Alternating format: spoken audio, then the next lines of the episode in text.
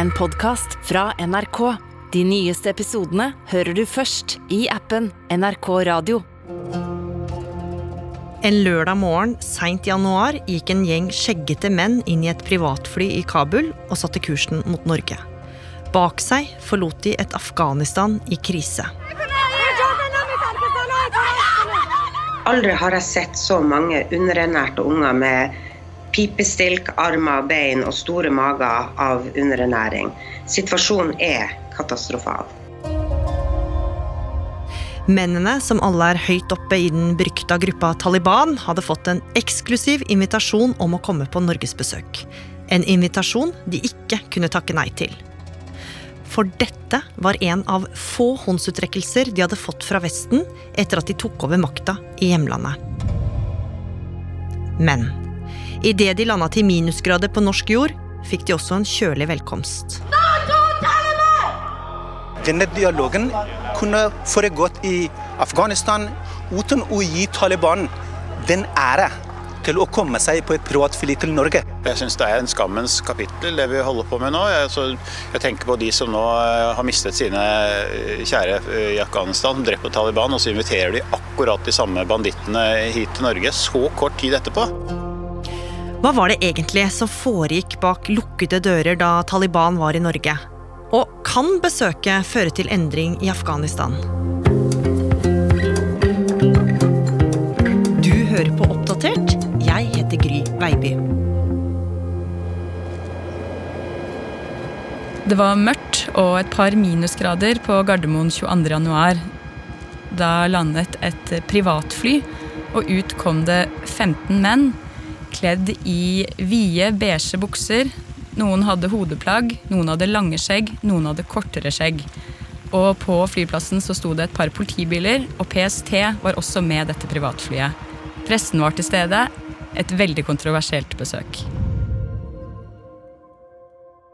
Heidi Taksdal Skjeseth, du er utenriksjournalist her i NRK. Hvem var egentlig disse mannfolka?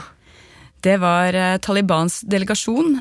Taliban som jo styrer Afghanistan nå med jernhånd. De er fordømt av en hel verden. eh, Og en av de har også blitt eh, nå tatt av, eh, men han var lenge på en liste over ettersøkte. Og Grunnen til at de kom i et privatfly, er jo nettopp at mange av de er svartelistet og ikke kan ta vanlig rutefly. Så derfor hadde Norge leid inn dette privatflyet til flere millioner kroner. Ja, og da de landa på Gardermoen, så var det kanskje ikke alle som hadde fått med seg at Taliban skulle komme på besøk. For dette hadde jo blitt holdt hemmelig ganske lenge. Så nå var det jo mange som lurte på hvorfor de egentlig sto der på norsk jord i kulda. Og da må vi tilbake til Afghanistan, Heidi. Der er det en økonomi i fullstendig kollaps. Det er stor nød, mye fattigdom. Og det har det vært lenge, men det ble verre etter at Taliban tok over makten i august i fjor, i takt med at vestlige land eh, med USA i spissen trakk seg ut av landet. De har også innført sterke økonomiske sanksjoner, så Taliban-regimet har ikke tilgang på penger, nesten. De har ikke betalt eh, lærere, sykepleiere på månedsvis. Ifølge FN står halvparten av Afghanistans befolkning på nær 40 millioner på randen av hungersnød. Ja. Og dette har jo ført til at situasjonen for afghanere er kritisk. Taliban de var derfor ivrige etter å forhandle med Vesten for å få fjerna sanksjonene og få humanitær hjelp. Og det var midt oppi dette kaoset at Taliban opplevde at Norge strakk ut en hjelpende hånd. Ja, og vi vet ikke noe særlig om hvordan eller når denne hånden kom. Eh, Men det vi vet, er at eh, både Norge og Taliban ønsket å snakke sammen.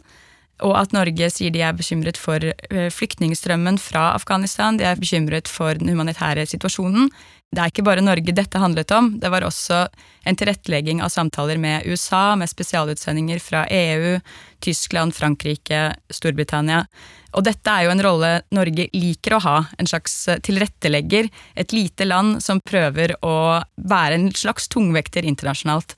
Jeg vet ikke om man kan si det var en fjær i hatten for Norge, men det er en rolle Norge liker å ha. Ja. Men også for Taliban så var det å bli invitert til Norge et stort gjennombrudd. Ja, Eh, det har de sagt selv, at de har kalt det en seier. Og det er ikke så vanskelig å forstå, for de har møtt unison og høylytt fordømmelse siden de tok makten i fjor, og nå blir de altså invitert til samtaler i et vestlig land, der de får møte eh, representanter fra alle de store vestlige maktene. Eh, de kom til samtalene med ønske om anerkjennelse og om penger. Ja, og det var altså derfor de var i Norge nå. Og fra Gardermoen lørdag kveld gikk turen til Oslo og hotellet Soria Moria i Holmenkollen. Ja, De neste tre dagene så skulle de være der oppe på konferansesenteret nordvest for Oslo, der det jo har vært veldig mange viktige politiske samtaler før dem. Og programmet for hele dette besøket, det var stappfullt. Ja, de skulle møte representanter for sivilsamfunn, kvinnerettighetsforkjempere, redaktører, folk de aldri har møtt ansikt til ansikt før. Men programmet var ikke helt satt, for eh, Utenriksdepartementet måtte avvente hvordan Taliban, altså disse ganske religiøst fundamentalistiske eh, mennene, reagerte når de møtte kvinneaktivister, f.eks. Eh, så ble det sagt at hvis de reagerte positivt, lyttet, ga noen løfter, Eh, var respektfulle, så ville de etter hvert få møte f.eks. statssekretæren i UD. Og hvis de hadde marsjert ut av rommet, jeg vet ikke, eh, reagert veldig veldig dårlig, så ville de bare fått møtt f.eks. embetsverket. Ja, så her var det altså mye som sto på spill. Og etter en natt på hotell så var det klart for de første samtalene søndag morgen. Ja, det var knytta stor spenning til de samtalene, og de ble holdt på en sånn del av Soria Moria så langt unna resepsjonen og oss i pressen som man kunne komme. Eh, men da møtte de altså disse kvinnesaksforkjemperne, redaktørene og menneskerettighetsforkjempene, altså Talibans sterkeste kritikere i Afghanistan. Og noen av deres krav til Taliban var jo nettopp større respekt for menneskerettigheter, ytringsfrihet, gjenåpning av skoler for jenter, at kvinner skal få jobbe, reise uten mannlig følge osv. Og ingen visste jo hvordan Taliban kom til å reagere på samtalene. Men litt etter litt begynte det å komme små drypp i mediene om hvordan stemninga hadde vært mellom Taliban og kvinnesaksforkjemperne. Today was very uh, good meeting, and I consider it an, as a ice breaking or warm up uh, meeting. They were listening. I should say that they really were listening. We give them a paper. We asked them what we wanted. They took it. They were very, very cordial about it. Men selv om møtet hadde gått ganske bra, og disse aktivistene kanskje nå håpa på at dette kunne føre til endring, så var det ikke alle som var like positive. For mens Taliban diskuterte kvinners rettigheter inne i varmen på Soria Moria, så hadde hundrevis av demonstranter samla seg i kulda utafor Utenriksdepartementet i Oslo sentrum. Vi vil ikke ha Taliban her i Norge. De representerer ikke oss. Hvordan kan vi invitere dem og eh, forhandle med dem, når vi er kjent med hva Taliban står for? Jeg er ikke noe mot forhandlinger, men jeg er mot terrorister.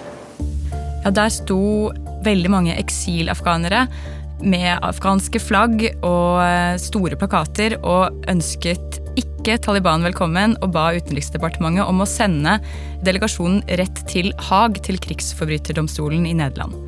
De reagerte forståelig nok ganske hardt på at et regime som de selv har flyktet fra, og mange av de har vært utsatt for harde og brutale overgrep, eh, at disse ble invitert til Oslo som om de skulle være en helt vanlig regjering fra et eh, vanlig land. Men så var det jo også noen som var positive til Talibans besøk. Ja, og mange afghanere har også vært det. Kanskje de litt mer pragmatiske, som ser at man er nødt til å, om ikke anerkjenne Taliban, men anerkjenne at det er Taliban som styrer Afghanistan. Så for å nå fram med bistand og for å kunne hjelpe det afghanske folket, så er man nødt til å forholde seg til eh, dem som styrer. På et personlig plan, ut fra det jeg erfarer, ut fra det jeg har sett, så puster den alminnelige eh, afghaneren om, om håp, om fred, og for å sikre det så er den ukomfortable realiteten at vi må inngå dialog med Taliban. Norge har tatt en kjempefin initiativ, og de har bidratt med at de skal styrke dialog. Og den er en veldig bra skritt. Så her var det mange ulike meninger. Og når demonstrantene etter hvert begynte å dra hjemover, så begynte også første dag av samtalene å gå mot slutten. Og da var også spørsmålene til regjeringa mange. Og utenriksminister Anniken Huitfeldt måtte svare for seg. Var dere ikke klar over at en av eh, de som har kommet, mannen som nå er anmeldt, eh, har stått på USAs liste over eh, terrorsiktede? Vi vet at en del av disse er ettersøkt, og det er jo derfor også de har kommet til Norge på den måten de har kommet. Og da Taliban trakk seg tilbake på hotellrommene sine etter første dag, fortsatte debatten å rulle i sosiale medier. Men mandag morgen var det likevel klart for dag to av samtalene. For dagen før hadde gått ganske greit, til tross for det mange kanskje hadde frykta, Heidi. Ja, eller vi vet ikke helt hvordan det gikk, men eh, det var ingen som stormet ut av samtalene. Talibans representanter skal ha lyttet til eh, aktivistene fra sivilsamfunnet.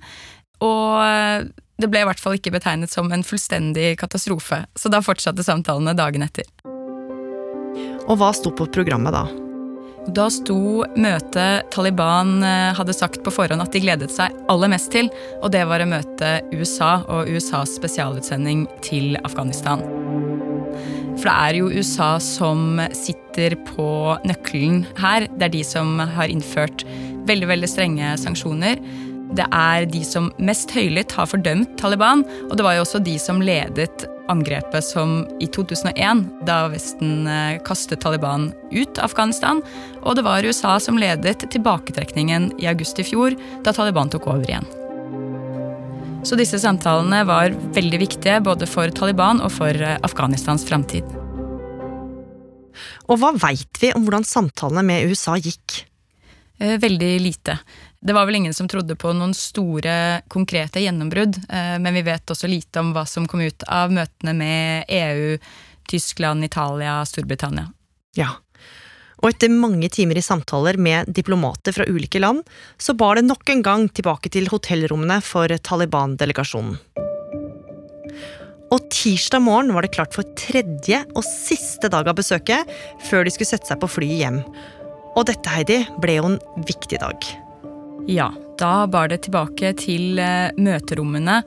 De satt bak et eh, langt møtebord i lyst tre eh, og møtte bl.a. humanitære organisasjoner, men også etter hvert det som kanskje var en liten fjær i hatten for Taliban-regimet, nemlig at de fikk møte statssekretær Henrik Thune fra Utenriksdepartementet.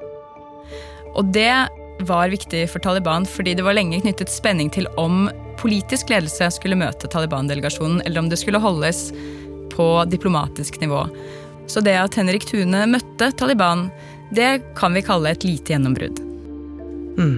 Hva var det de snakka om? Ja, Norge skal ha stilt krav om eh, bl.a. gjenåpning av jenteskoler for jenter fra 7. klasse og opp.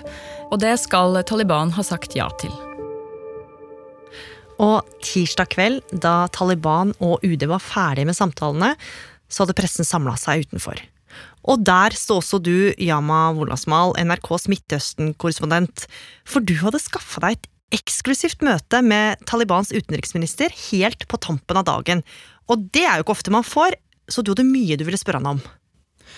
Jeg hadde et vell av temaer og spørsmål jeg ville spørre han om. Fordi nå har vi i fem måneder etter at de har tatt over makta i Kabul, snakket om denne bevegelsen, ikke med dem. Så fra et presseetisk perspektiv så tenkte jeg nå må vi gi dem en mulighet til å forklare det de holder på med. De må svare på all den kritikken og alle forbrytelsene de har stått bak. Ikke bare nå, men også de 20 årene. Vi snakker om hundrevis av terrorangrep. Så hodet mitt holdt på å eksplodere i forberedelsen til det intervjuet, for jeg tenkte gud, det er så mye jeg vil snakke med han om. Og Yama, du er jo selv fra Afghanistan, så for deg så var denne avtalen kanskje litt ekstra spesiell? Jeg har jo i første rekke sett forbrytelsene deres, jeg har sett hva de har gjort i Afghanistan, på godt og vondt. Så jeg satt jo inne med spørsmål både på vegne av det norske folk og det afghanske folk. Og etter at dere hadde venta i flere timer utafor eh, Soria Moria, kom endelig telefonen om at utenriksministeren var klar for å treffe deg. Og da sto jeg klar til å ta han imot ved sikkerhetsslusen på hotellet, og så kommer han med hele følget sitt, masse rådgivere, omringet av svære PST-karer, og fremstår overraskende vennlig. Gi meg hånda si, og vi håndhilser. Ikke noen koronarestriksjoner der. Um, og vi dro inn på et møterom for å gjennomføre intervjuet, og helt i starten så fikk jeg tidenes icebreaker fordi han spurte meg hm, er du uh, i slekt med senior Wolasmal. Han kjente til faren min Så ja, jeg er sønnen hans. Og da så jeg at han senket skuldrene litt, faktisk. Og tenkte å, dette var jo fin start på et intervju. دغه تصویر چې تاسو ګورئ چې تاسو عسكر په یو خزه په دې رقم په بیرحمانه طریقه په سرک په سر وار کوي حتی زه په دې کې شک لرم چې دا به د موږ Hva var det du konfronterte han med? Alle menneskerettighetsbruddene deres, vold mot kvinner som demonstrerer, at de har banket opp eh, journalister, at de har stått bak utallige terrorangrep hvor tusenvis av uskyldige afghanere har mistet livet, at de sto bak angrepet på Hotell Serena i 2008 hvor Karsten Thomassen, Dagbladet-journalisten, ble drept. Hva svarte han på alle spørsmålene du stilte ham da? Han var overraskende avvisende. Han avviste alt. Vi banker ikke kvinner. De, som, eh, de du viste meg videoer av, det er ikke våre folk. Det er folk som kler seg ut som oss. Vi har ikke slått folk, vi bryter ikke menneskerettigheter. Vi respekterer alle. Vi har ikke stått bak terror, vi har stått bak en frihetskamp. Hvis Norge hadde blitt okkupert av utlendinger, hadde ikke de gjort motstand. Så han avviste all kritikk. Hva gjorde det med deg, Jan? Jeg ble veldig overrasket. Jeg hadde regnet med at noe av det de har gjort, at han ville ta selvkritikk. Det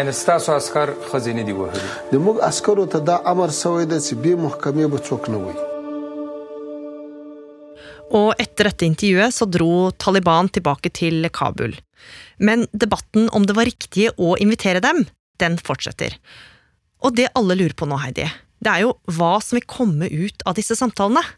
Ja, og Det vet vi ikke sikkert ennå. Det vi vet er at Taliban og Vesten ønsker eh, å øke nødhjelpen til et eh, desperat afghansk folk. Men så var det også få tegn fra Talibans delegasjon på at de vil gjøre noe for å f.eks. beskytte kvinners rettigheter i Afghanistan. Samtidig har de lovet å gjenåpne eh, jenteskoler for jenter fra 7. klasse og opp. Men hvordan dette går, det vet vi ikke. For det er ikke sånn at disse 15 mennene styrer Afghanistan på noen måte. Det er et desentralisert land. Det er provinser hvor myndighetene ikke har særlig kontroll. Og det er vanskelig for også dem å love noe som helst. Så må vi også huske på at Taliban er også ganske splitta. Det finnes veldig veldig konservative menn der, og så finnes det litt mer moderate, moderne menn. Og det er menn man kan se på skjegglengden.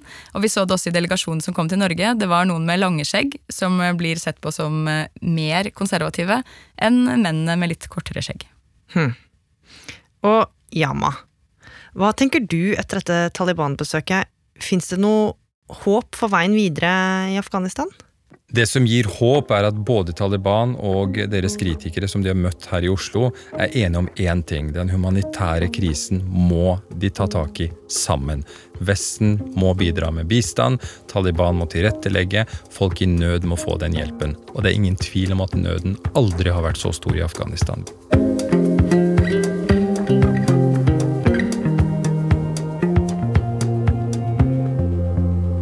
Oppdatert er en podkast fra NRK Nyheter. og Denne episoden er laga av Ina Swan, Andreas Berge, Id Skrivarhaug og meg, Gry Veiby. Programredaktør er Knut Magnus Berge. Du har hørt lyd fra Associated Press og Reuters. Og har du spørsmål eller innspill, send oss gjerne en mail til oppdatert krøllalfa nrk.no. Og du, liker du det du hører? Tips gjerne en venn om oss.